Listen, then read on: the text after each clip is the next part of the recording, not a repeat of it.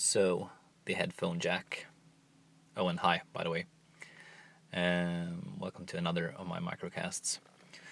So, if you're listening to this, you are probably in similar tech circles to me, and you know that the latest iPhone, the iPhone 7 and the 7 Plus, that are, just now coming out around the world, does not have a a standard 3.5 millimeter analog headphone jack. There has been debates over this for quite some time now because of what now looks like a controlled leak by Apple to sort of have people bitch and moan about it before the phone was released and then have reached acceptance when it was released.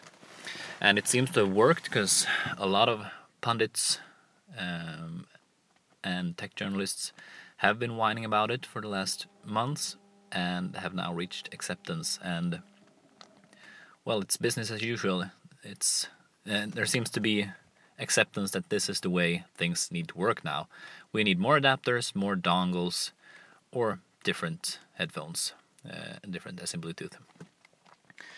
Um, I have not reached acceptance. I think the iPhone 7 looks like a great phone. Um, so great that I might even that I might have considered buying it, even though I don't like the bigger phones. I still have a iPhone 5s because I prefer the smaller form factor. But the 7 looks truly great, but uh, the lack of a headphone jack to me is a deal breaker. Um, a phone with a headphone jack is compatible with so many things. I can connect it to a studio recording console, to a live mixing console. I can plug it straight in, into any kind of speakers. Yes, sure, I might have to go from the jack to XLR or something, but those are just passive wires, nothing more really. Um, I can use any studio headphones I might have lying around, connect to my phone and listen. Um, a, an analog 3.5 millimeter uh, jack is such a good thing. excuse me, is such a good thing to have, and it if you are in the pro audio world in some way, it makes uh, the phone so much more useful. And relying on a dongle for that, even though there is one um, included in the package, it's just not it's just not going to work for me. So the seven is off the table for me.